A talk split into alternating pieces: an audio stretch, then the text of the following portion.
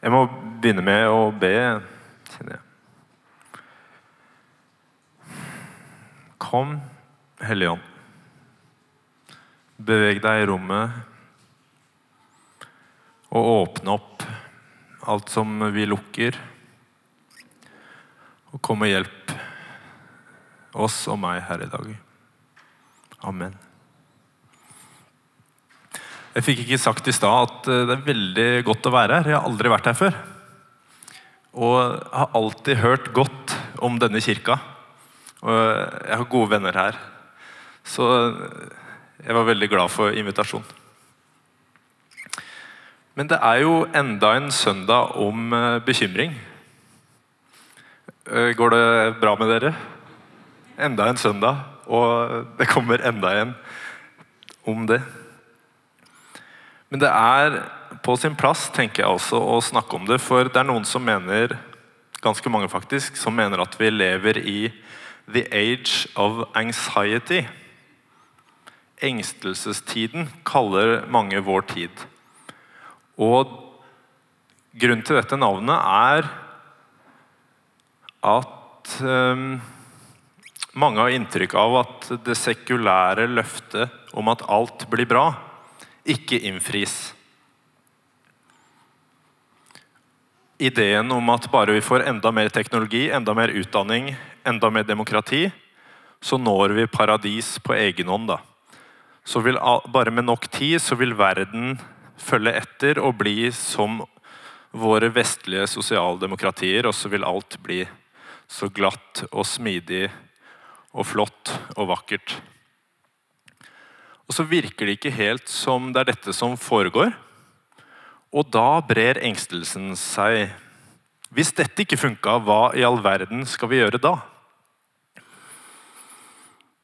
Og dette mener jeg er en legitim bekymring, da. Men så sier Jesus dette, da. Vær ikke bekymra. Og jeg går et kurs nå i kirka for å lære meg noe som heter følelsesvalidering følelsesvalidering. Og jeg er ennå ikke noen ekspert, men dette er ikke det, da. Dette er ikke følelsesvalidering. Hvis jeg, jeg kjenner godt snubler inn eh, døra med våre tre barn etter å ha vært på butikken, og hun måtte skifte bleie på minstemann på det der våte, flislagte gulvet på Rema og så På veien hjem så måtte hun kjempe med tre barn og vogn og brøytekanter. Og Så får hun vite av meg med en gang hun kommer inn at vi får middagsgjester om ti minutter. Hvis hun da hypotetisk sett ble bitte litt frustrert, og så kommer jeg og sier 'vær ikke frustrert'. Vær ikke frustrert. Se på fuglene under himmelen. De fryser og spiser mark, og de er ikke frustrerte. De Ta det med et smil så vil jeg stryke på det kurset. Men jeg tror ikke at det er det Jesus holder på med her. Jeg tror ikke han er like uempatisk. Han snakket tross alt til et folk som er underlagt en okkupasjonsmakt. Det er ikke bagateller de bekymrer seg over. Og selv om de har større problemer enn klær og mat, så er det det Jesus eh, snakker om. Når han sier 'vær ikke bekymret'. Og jeg lurer på om det er en dyp innsikt her som Jesus har fått med seg, og det er at det er ikke alltid de største problemene vi bekymrer oss over. At det er ikke de store verdensproblemene som alltid opptar mest av vår bekymringskapasitet. Og dette kan jeg kjenne dårlig samvittighet for, at jeg bekymrer meg for de nære bagatellene heller enn krig og miljø og og så lurte jeg på om denne dårlige samvittigheten ikke er så hjelpsom. Kanskje vi heller kan tenke at det har vært naturlig sånn evolusjonært å bekymre seg over de nære tingene, selv om de er mindre i et sånn kosmisk perspektiv. Se for dere f.eks. at dere er veldig bekymra for snøkaos. Nei, Se for dere at dere ikke er bekymra for snøkaos. Dere bryr dere ingenting om det. Dere er bare opptatt av klimakrise. Dere sitter og bekymrer dere hele dagen for klimakrise. Mens det snør og snør og snør og snør oppå ditt eldgamle tak rett over deg. Men du som eh, en god kristen person sitter og bekymrer deg for de store tingene.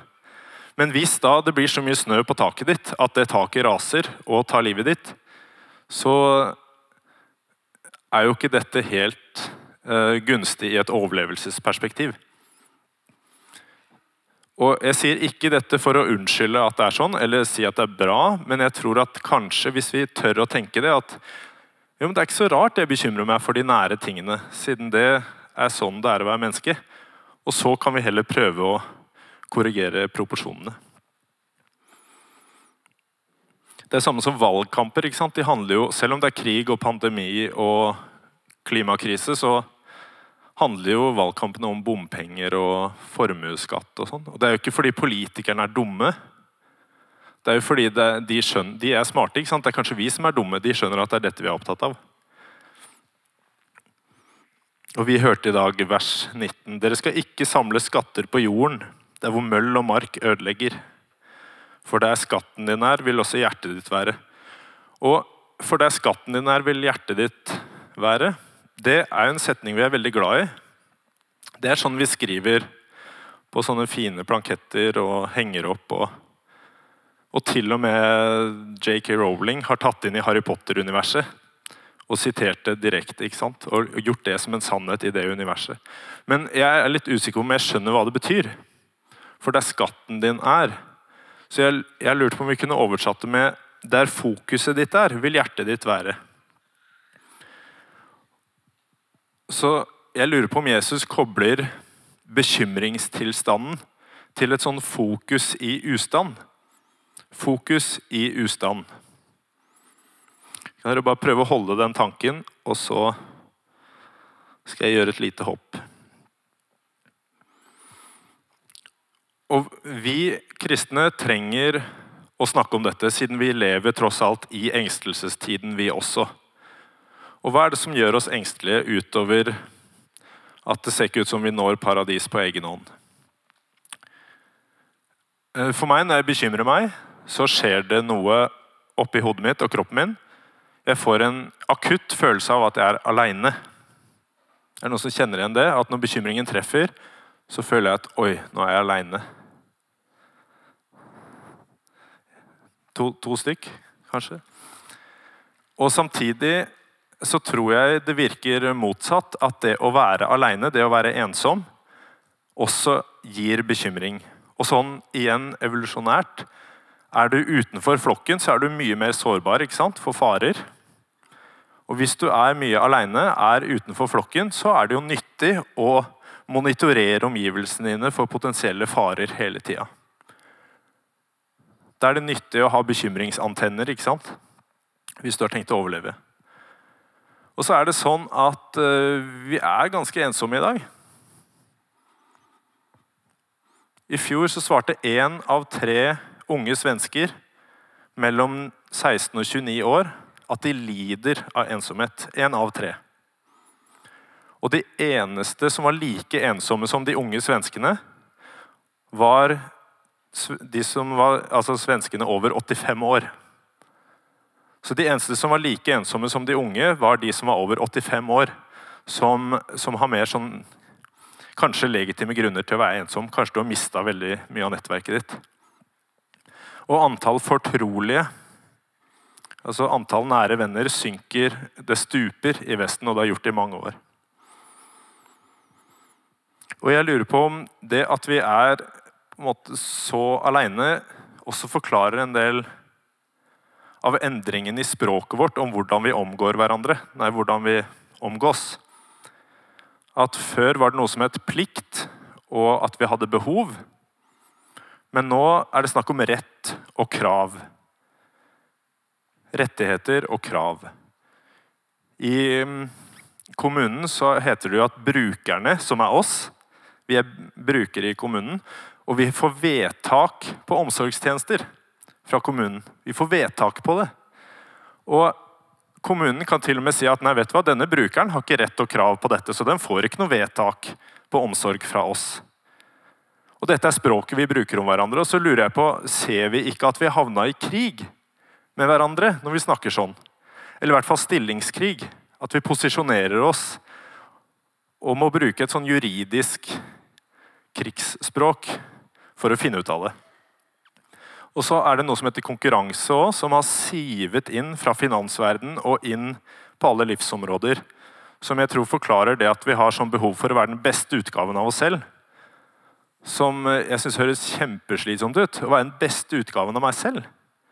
Og hvis jeg bare skal være fornøyd med meg selv når jeg er den beste utgaven av meg selv, da er det ganske sjelden at jeg kan gå rundt og være fornøyd. Og i hvert fall de jeg treffer, som det de mener når de sier den beste utgaven av seg selv, det er den utgaven som har vært på tre måneder ferie i Hawaii. Og komme hjem solbrun og uthvilt og fitt, og så kommer inn i hverdagen sin. Og det er ganske sjelden at folk kan gjøre det. Vi skal markedsføre oss selv, selge oss inn, og livet er for mange en eneste lang CV ikke sant? som vi må være klar til å benytte hele tida, siden vi må kanskje bytte beite og vi må ja, konkurranse. Så min posisjon i verden er grunnleggende usikker. Jeg må hele tida konkurrere for å stå på stedet hvil. Og dette er tidsånden, tror jeg. At vi er alene med behov for å ta saken i egne hender. Og Jeg lurte på om vi kunne kalle det Prosjekt egenhånd. Prosjekt egenhånd. At det er det vi holder på med. Og dette finner vi ganske tidlig i Bibelen, helt i begynnelsen faktisk. Adam og Eva levde i paradis med Gud, og så ville de ha mer. Tok saken i egne hender. Og så videre. Abraham og Sara ble lova en sønn. De ble lova en sønn, men så blir de utålmodige. Og hva gjør de? De tar saken i egne hender og utnytter Hagar for å få en sønn. Og så er det en som heter Jakob, som kommer litt seinere. Og jeg hører på noe som heter The Bible Project, som er helt fabelaktig. og Der er det en bibelforsker som heter Tim Mackey. Og han mener at Bibelen forteller at Jakob var lova velsignelsen på forhånd. Fordi det står Herren sier 'den eldste skal tjene den yngste'. Så hvis vi godtar det premisset om at Jakob var lova velsignelsen på forhånd, og så ser hva Jakob holder på med etterpå, han tilraner seg velsignelsen på tre ulike måter. Da, mener de. Han prøver å komme ut først av livmoren. Han griper Esau i hælen. Og så lurer han Esau eh, over et måltid. Esau kommer hjem og er kjempesulten. og så, ja, ta dette måltidet, men da må jeg få velsignelsen. Og Esau, som er sulten og kanskje sånn hangry, klarer ikke å unngå å sier ja. da. Og så lurer han Isak på dødsleiet. Så alle disse sikrer seg, foregriper, tar saken i egne hender. Og jeg tror at dette er noe av den eldste fristelsen vi har. Å ta saken i egne hender. Prosjekt egen hånd. Og da tror jeg vi ikke kommer utenom bekymring. Jeg tror dette prosjektet bare ledsages av bekymring.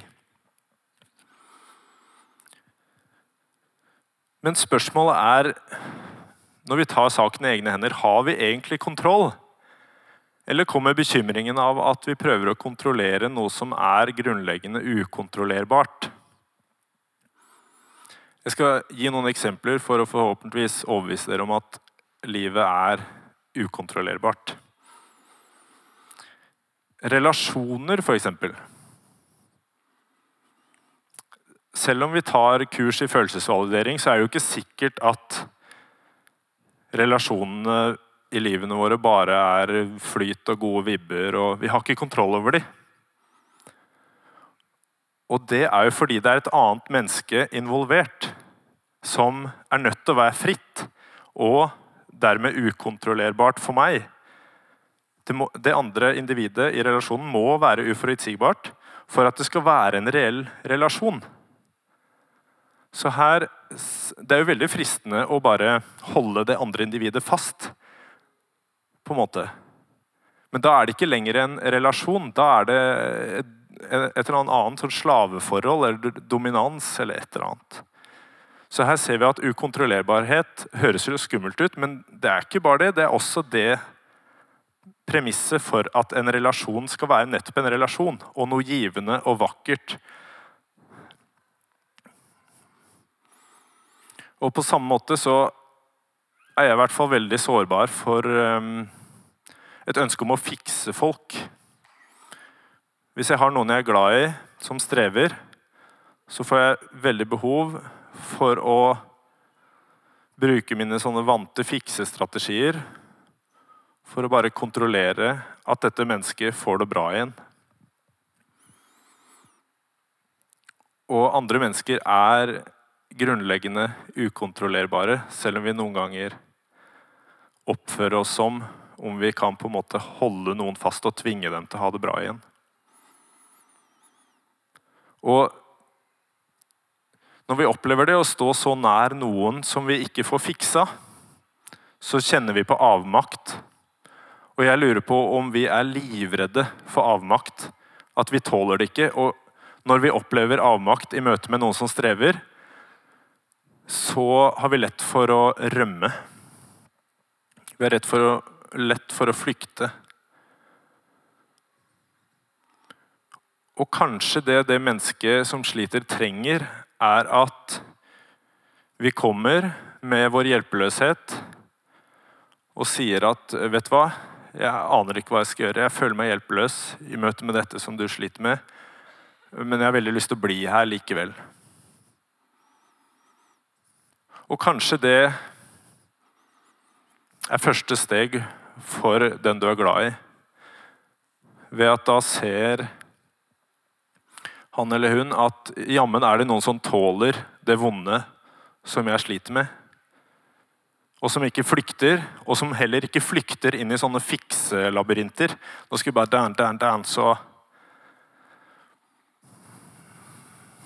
Og hvis det mennesket, hvis vi, da, hvis du tåler å stå der i avmakt, så kanskje den som sliter òg kan se at jo, hvis du tåler det, kanskje jeg også kan tåle det etter hvert. Eh, et enda bedre eksempel fra noe som er ukontrollerbart, som vi fristes veldig til å kontrollere, kommer fra Karl Ove Knausgård, som skriver om det å velge skole for barna sine. Ikke sant? Det er uendelig skolegangen for barna. Finne skreddersy skolegangen for barna. Finne liksom skole med riktig pedagogisk profil, ideologisk profil. Sjekke ut lærergruppa. Kanskje ta noen litt sånn gråsonetelefoner rundt for å finne ut eh, den læreren der. Hun, uh, har hun fast følge? Blir hun kanskje gravid om et halvt år? Vet hun noe om barnehus... Altså, vi, vi kan bare gå til ekstreme lengder for å prøve å kontrollere dette her. da. Men så sier Knausgård ja, men hva hvis du velger riktig skole, da? Og du snur hverdagslogistikken på hodet for å få barnet til den skolen. Og så viser det seg etter to uker at barnet ditt havna ved siden av en mobber og alt ditt strev og all din skreddersøm var forgjeves. Og det som begynte som ett fristende kontrollpunkt, som vi ikke klarte å la være å ta i, har nå blitt til mange kontrollpunkter og et nett av engstelse som fanger oss. da. Jeg har sett for meg at kanskje vi mm, begynner livet med et lite kontrollpanel at vi har én spak og så noen få knapper. Vi kan kontrollere, eller liksom, vi har ansvar for noen ting, men det er veldig mye som vi ikke har ansvar for eller kontroll over. Men så ser vi at naboen har kjøpt nytt kontrollpanel. Et mye større et. 2.0 med to spaker, flere knapper, kanskje noen pedaler. Og sånn, ja, Det er fristende å kjøpe det. Og så ender jeg opp med å sitte mye lenger bruke mye mer av tiden min på dette kontrollpanelet. Og lære meg det og prøve å liksom kontrollere mer og mer av livet. Og så ser vi at ja, men det er ikke nok. Kanskje jeg kan ha enda større kontrollpanel. Og kjøpe meg et gigantisk et. Kanskje ha et rom med skjermer, knapper. Og vi må kanskje være flere til å liksom eh, kontrollere det. Og så til slutt så har vi altfor mange spaker og knapper og vi innser at kanskje vi ikke får kontroll over dette. Og dette kontrolljaget gjør meg bare engsteligere og mer og mer sliten. enn hun ene som uh, klarte å bli værende ved sitt lille kontrollpanel.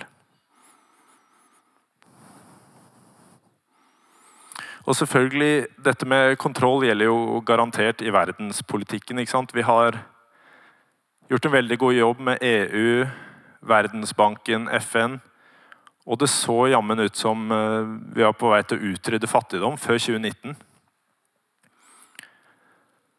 Og så leste jeg i The Guardian at da det kom et forkjølelsesvirus som snudde opp ned på verden, da, så ble jo alle vi isolerte. Og så var det en eh, person som viste seg å være president i Russland, som også gjorde det. Og hva skjedde med han? Isolasjon skaper bekymring og kanskje til og med paranoiditet. Og så kom det en krig som har brakt mange andre konflikter, ulmende konflikter til overflaten. Og vi ser at kanskje ikke verden var så glatt og smidig som vi trodde i 2019. Så å kontrollere oss frem til paradis funker ikke, tror jeg.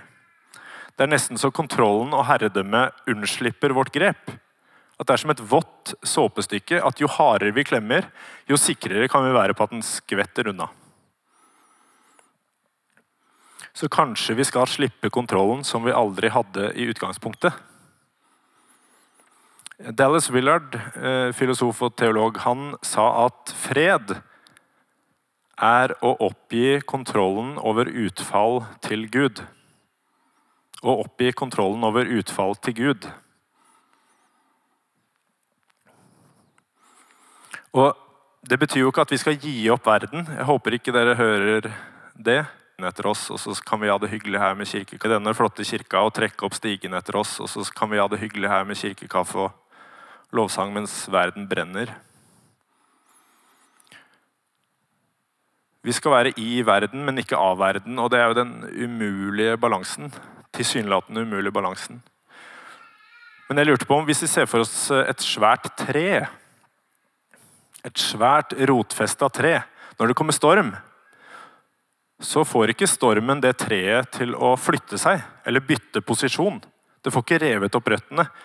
Men Stormen får beveget greinene til det treet voldsomt. Det ser ut som hele treet danser, ikke sant? er på vei et eller annet sted. Så stormen, vinden, får bevega treet, men ikke så mye at det løsner.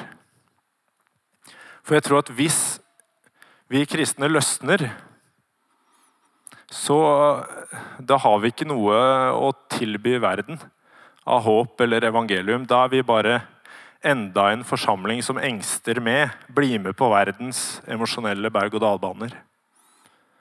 Så jeg lurte på om vi kunne se for oss å være trær istedenfor drivved.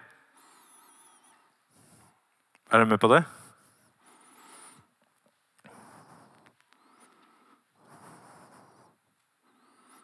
Og jeg tror at det kommer eh, til å banke ganske mange bekymra mennesker på dørene våre fremover. Og da må vi ha noe annet å tilby enn at vi bare skvulper med i samfunnets bølger da, av engstelse. Så å være kristen er å være investert uten å bli desillusjonert. Henry Noun skriver at vi skal ha medfølelse med verdens illusjoner. Ikke sant? Vi skal ikke bli desillusjonert i takt med verden, vi skal ha medfølelse med verdens illusjoner.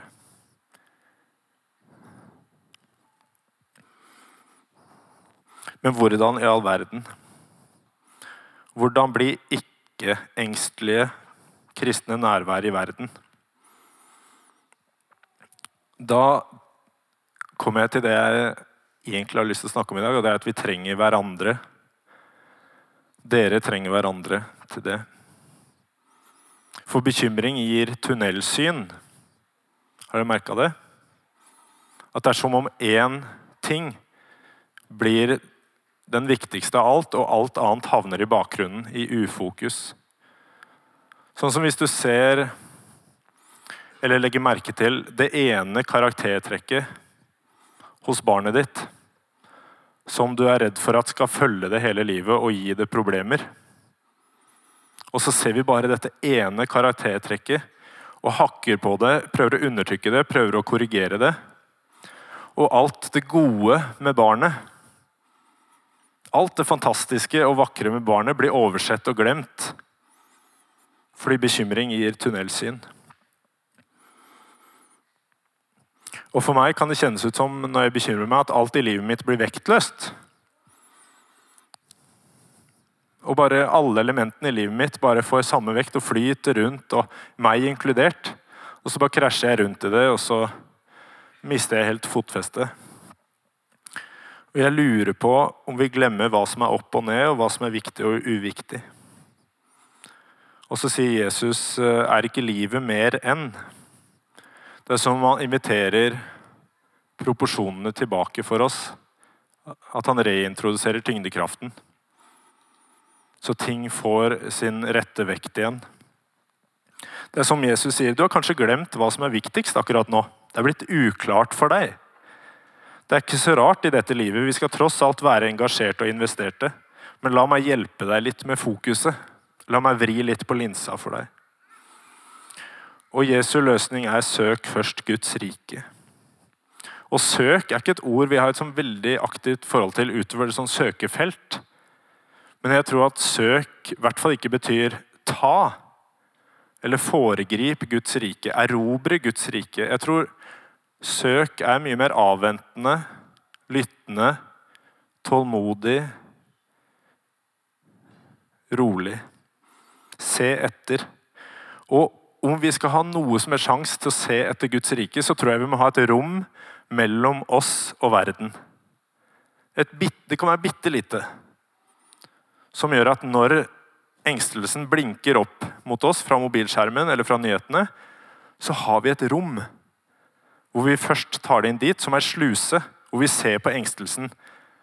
Er dette noe jeg trenger å forholde meg til nå, eller kan jeg la den passere?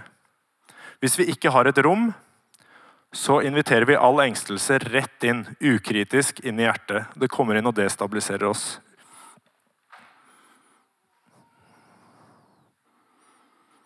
Og jeg tror at Hvis vi har dette rommet, så kan vi istedenfor å bli lamma av bekymring, så kan vi motiveres til handling. Jeg, jeg hørte Solan Gundersen i jula. Han sa jeg er ikke sint, jeg er motivert. Den var fin. For ubekymra mennesker, om jeg skal være ærlig, eh, kan virke ekstremt provoserende på meg. Når det kommer noen sånne rolige, sindige bautaer som eh, ikke lar seg påvirke, så kan jeg få lyst til å riste dem og bare si 'hallo'! Våkne opp! Kan ikke du frike ut like mye som oss andre? Hvorfor står du der med det rolige smilet ditt? Men det er som om de ser klart og handler ut ifra en ro. De ser hva som må gjøres. Og så finner jeg ut at disse ubekymra menneskene som jeg lar meg provosere over, er faktisk et lys for veldig mange mennesker. Og da forsvinner provokasjonen. De er ikke bekymra, de er motivert. For jeg tror at hvis vi ikke har noe rom mellom oss og verden, så handler vi bare ut fra bekymring. Og når vi handler ut fra bekymring, så blir det refleksaktig. ikke sant? Rykkvist. Ugjennomtenkt. Jeg er veldig sårbar for husbekymring. Og dere som bor i leilighet, dere vet ikke hva det er. Men det er sånn at når man kjøper et hus, så godtar man å være bekymra resten av livet. på et vis. Så jeg er egentlig verdens største hykler når jeg står her og prater i dag. Og Jeg spurte kona hva er det dummeste jeg har gjort i husbekymring. Og jeg tenkte at hun skulle være ei god kone og bare si sånn Nei da, du har ikke gjort så mye. Altså. Men istedenfor så så jeg at hun bare lente seg tilbake, smilte og bladde gjennom en sånn lang katalog av ting. Hva skal jeg velge, liksom? ja. Og så foreslo hun eh, den gangen jeg oppdaga at det mangla to fliser under et sånt svært baderomsmøbel på badet. Og, og, jeg kan ingenting om sånne ting. Jeg er akademiker. Så jeg fikk hetta og tenkte vannskade og råte og konkurs. Og jeg hadde ikke noe rom mellom meg og det som skjedde. Så jeg henta fram en sånn sprøyte med fugemasse og bare lente meg ned. Og barna gikk for lut og kaldt vann i stua. Og så begynte jeg å sprute fugemasse sånn i blinde under der. Og den la seg bare i en sånn der pølse på helt feil sted. Så det var det hun foreslo, da. Mm. Og jeg, jeg tror virkelig vi trenger hjelp av hverandre fordi bekymring isolerer. Og bekymring har slik eh, til felles med løgnen at den lager en alternativ virkelighet. på en måte. Å lyve er jo på en måte spalte virkeligheten. Å lage en egen boble eh, som bare jeg lever i, og som alle andre lever i. Og så må jeg sjonglere disse virkelighetene.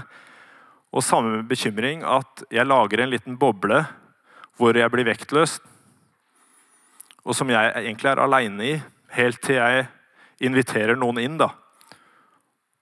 Og da er det kanskje ikke plass i den bekymringsbobla mi, så den sprekker. Og så kan vi være sammen igjen i den store bobla. Nei, det er faktisk sånn det ser ut. Husk hva som er opp og ned. Husk hvem du er. Dette er viktig, dette er ikke viktig. Så jeg prøver veldig hardt hver gang jeg prater å være konkret eh, og praktisk, og strever veldig med det, men dette, er, dette må jo være praktisk. Og det er et råd om å f.eks. velge en gang for alle hvilket fellesskap du tilhører. Fordi vi lever i engstelsestiden med individualisme og konkurranse og krig og vedtak og rett og krav og sånn. Men hva om vi velger et fellesskap? Nei, det er, det er denne kirka jeg går i. Det tar brodden av konkurranse ikke sant? og det tar brodden av krig. Vi kan ikke være i krig med folk vi er stuck med resten av livet. Eh, det er veldig slitsomt å konkurrere med folk vi er stuck med over lang tid. Og jeg har lurt på at, om at når det kommer konflikt, for det gjør det jo? Der hvor to eller flere er samlet, blir det konflikt, tror jeg det står i Bibelen. Og Istedenfor da å velge samfunnets måte å håndtere det på, og kansellere, swipe, eh, ghoste, så er vi nødt til å bli. Og da er vi nødt til å søke forsoning. Og der hvor to eller tre er samlet i mitt navn, så er jeg midt iblant dere. Det sies i konteksten av forsoning. Har jeg lært. At det sikreste måten å oppleve Guds nærvær på, det er å gå til noen som du har såra, og si unnskyld. Og så å kjenne på hva som foregår der imellom. At noe som er lukka og stengt, blir åpna. Det, det er det nærmeste kanskje vi kommer Guds rike her på jord. Hmm. Kanskje vi kan hjelpe hverandre å huske at vi ikke er alene, og at vi har egentlig lagt prosjekt egenhånd på hylla. At vi kan være hverandres fredsagenter. Når Kain spør Gud er jeg min brors vokter, så er jo svaret som henger i lufta der, at det, svaret er jo egentlig ja, du er det. Vi har ansvar for hverandre. Og vi kan si til hverandre husk hvem du er, det finnes fast grunn. Dette er opp, dette er ned. Guds rike vil sprenge seg fram også i dette, det tror jeg på. Det kan jeg tro på for deg en stund. Fest blikket, begynn med middag hos meg i morgen. Jeg insisterer. Så kanskje tyngdekraften skrus på igjen, så alt i livet mitt får sin rette vekt dette er fortsatt Guds verden. Jeg hadde jammen lent meg vel mye på egne superkrefter. Eller velferdsstaten, eller Jens Stoltenberg. Eller familiens harmoni. Og så blir utfordringen til dere Når dere skal hjelpe hverandre av med de der bekymringsskylappene, så må dere huske at de sitter ganske limt, limt godt fast. Så dere må finne en skånsom eh, måte å gjøre det på for hverandre. Lykke til med det. For Guds rike er opp-ned-rike, som Jesus bruker resten av bergpreken på å snakke om. Og Irriterende nok sier han ikke hvor det er. Han sier bare hvordan det er, og at det er kommet nær. Så Det betyr at vi må leite. Og da trenger vi søkelys. Og så kan vi be Jesus om at den tåken som bekymringen legger over våre liv, skal lette. For jeg, jeg, tror det ligger veldig nært Jesu hjerte at vi skal se klart her på jorda. Det er en bønn han vil innfri, tror jeg. At vi kan lære oss å se at jeg er ikke konkurrent og streber nummer et eller annet i en sekulær, gudløs verden. På vei mot universets uunngåelige varmedød. Dette er fortsatt Guds verden. Og dette nye lyset, har jeg tenkt, at et annet liv er mulig, et annet fokus er mulig. At Guds rike fins midt i all denne engstelsen, det er eh, evangeliet. Og jeg har brukt uh, veldig mye av tida deres i dag på egentlig bare å si én en eneste ting. Og det er at bekymring kobler oss på den eldste løgnen vi har. Og det er at vi er aleine om livet.